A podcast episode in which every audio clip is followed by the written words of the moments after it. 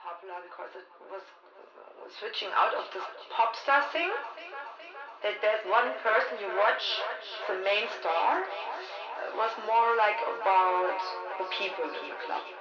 The DJ played the music and not in the lights. It was more about a meeting point of the new generation, the East and West in Berlin, like because we came together uh,